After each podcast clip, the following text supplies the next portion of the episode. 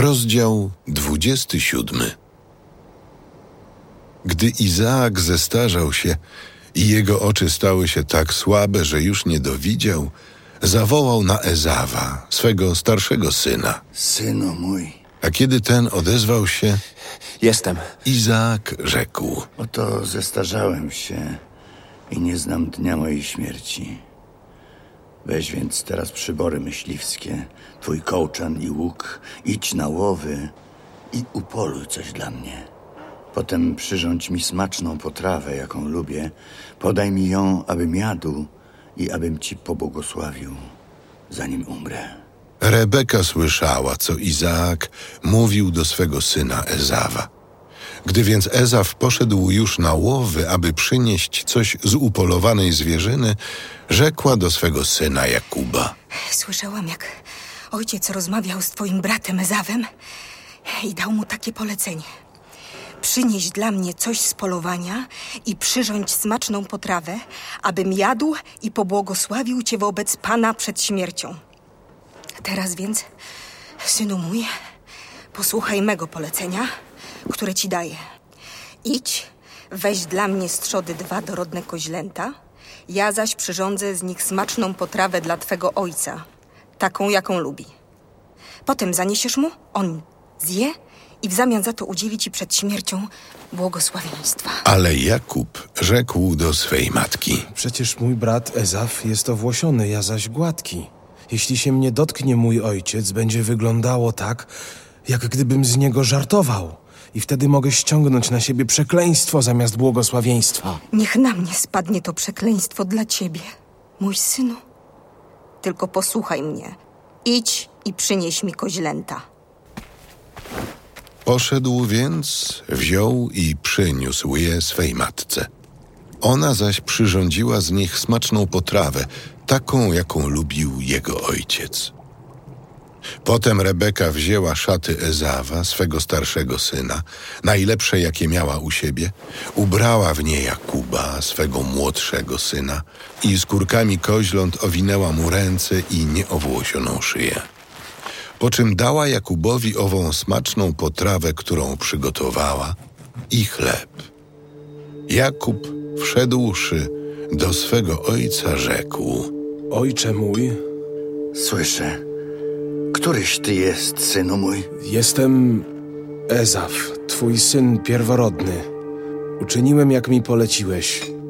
Podnieś się, siądź i zjedz potrawę z upolowanej przeze mnie zwierzyny. I pobłogosław mi. Jakże tak szybko mogłeś coś upolować, mój synu? Pan, Bóg twój, sprawił, że tak mi się właśnie trafiło. Zbliż się, abym dotknąwszy ciebie mógł się upewnić, czy to mój syn Ezaf, czy nie. Jakub przybliżył się do swego ojca Izaaka, a ten, dotknąwszy go, rzekł: Głos jest głosem Jakuba, ale ręce rękami Ezawa. Nie rozpoznał jednak Jakuba, gdyż jego ręce były owłosione jak ręce Ezawa, a mając udzielić mu błogosławieństwa, zapytał go jeszcze. Ty jesteś syn mój Ezaf? Jakub odpowiedział: Ja jestem. Podaj mi, abym zjadł to, co upolowałeś, synu mój, i abym ci sam pobłogosławił. Jakub podał mu i on jadł. Przyniósł mu też i wina, a on pił. A potem jego ojciec, Izaak, rzekł do niego. Zbliż się i pocałuj mnie, mój synu. Jakub zbliżył się i pocałował go. Gdy Izaak poczuł woń jego szat, dając mu błogosławieństwo, mówił: Oto woń mego syna, jak woń pola, które pobłogosławił Pan. Niech Tobie Bóg użycza rosy z niebios i żyzności ziemi, obfitości zboża i moszczu winnego. Niechaj Ci służą ludy i niech Ci pokłon oddają narody. Bądź Panem Twoich braci i niech Ci pokłon oddają synowie Twej matki. Każdy, kto będzie Ci złorzeczył, niech będzie przeklęty. Każdy, kto będzie Cię błogosławił, niech będzie błogosławiony. Gdy Izaak wypowiedział swe błogosławieństwo nad Jakubem i gdy ten tylko co odszedł od niego, wrócił z łowów brat Jakuba, Ezaf. I on także przyrządził ulubioną potrawę ojca. Zaniósł mu ją i rzekł do niego. Podnieś się, mój ojcze. Jedz to, co twój syn upolował, abyś mi udzielił błogosławieństwa. Kto ty jesteś? Jam syn twój pierworodny, Ezaf. Izaak bardzo się zatrwożył i rzekł: Kim więc był ten, który upolował zwierzynę i przyniósł mi, a ja jadłem ją, zanim ty wróciłeś i pobłogosławiłem mu? Przecież to on otrzymał błogosławieństwo. Gdy Ezaf usłyszał te słowa swojego ojca, podniósł głośny, pełen goryczy lament i rzekł do ojca: Daj i mnie błogosławieństwo, mój ojcze. Przyszedł podstępnie brat twój i zabrał twoje błogosławieństwo. Nie darmo dano mu imię Jakub. Dwukrotnie mnie już podszedł.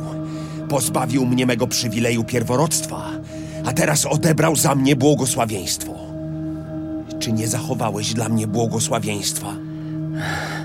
Skoro uczyniłem go twoim panem, wszystkich zaś jego krewnych jego sługami i zapewniłem mu obfitość zboża oraz moszczu, to cóż mogę dla ciebie uczynić, mój synu? Czyż miałbyś tylko jedno błogosławieństwo, mój ojcze? Pobłogosław także i mnie, ojcze mój.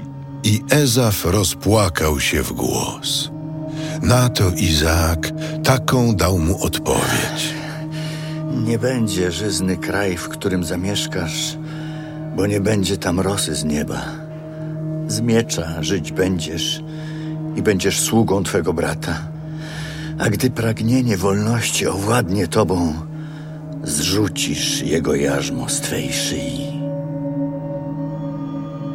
Ezaf znienawidził Jakuba z powodu błogosławieństwa, które ten otrzymał od ojca i taki powziął zamiar. Gdy nadejdą dni żałoby po moim ojcu, zabiję mego brata Jakuba. Kiedy Rebeka dowiedziała się o tym, co mówił Ezaf, jej starszy syn, kazała zawołać Jakuba i rzekła mu: Ezaf, twój brat, zamierza cię zabić. Posłuchaj więc mnie, synu mój. Przygotuj się i uchodź do brata mego, Labana, do Haranu. Pozostań tam przez jakiś czas, dopóki nie uśmierzy się gniew twego brata. A gdy już przestanie on gniewać się na ciebie i zapomni, co mu uczyniłeś, wtedy dam ci znać i sprowadzę cię stamtąd. Czemu miałabym was obu jednocześnie stracić? Rebeka mówiła do Izaaka. Sprzykrzyło mi się życie z tymi córkami Heta. Jeżeli jeszcze Jakub weźmie sobie żonę z córek Heta, czyli jedną z tych kobiet, które są w tym kraju, to już nie będę miała po co żyć.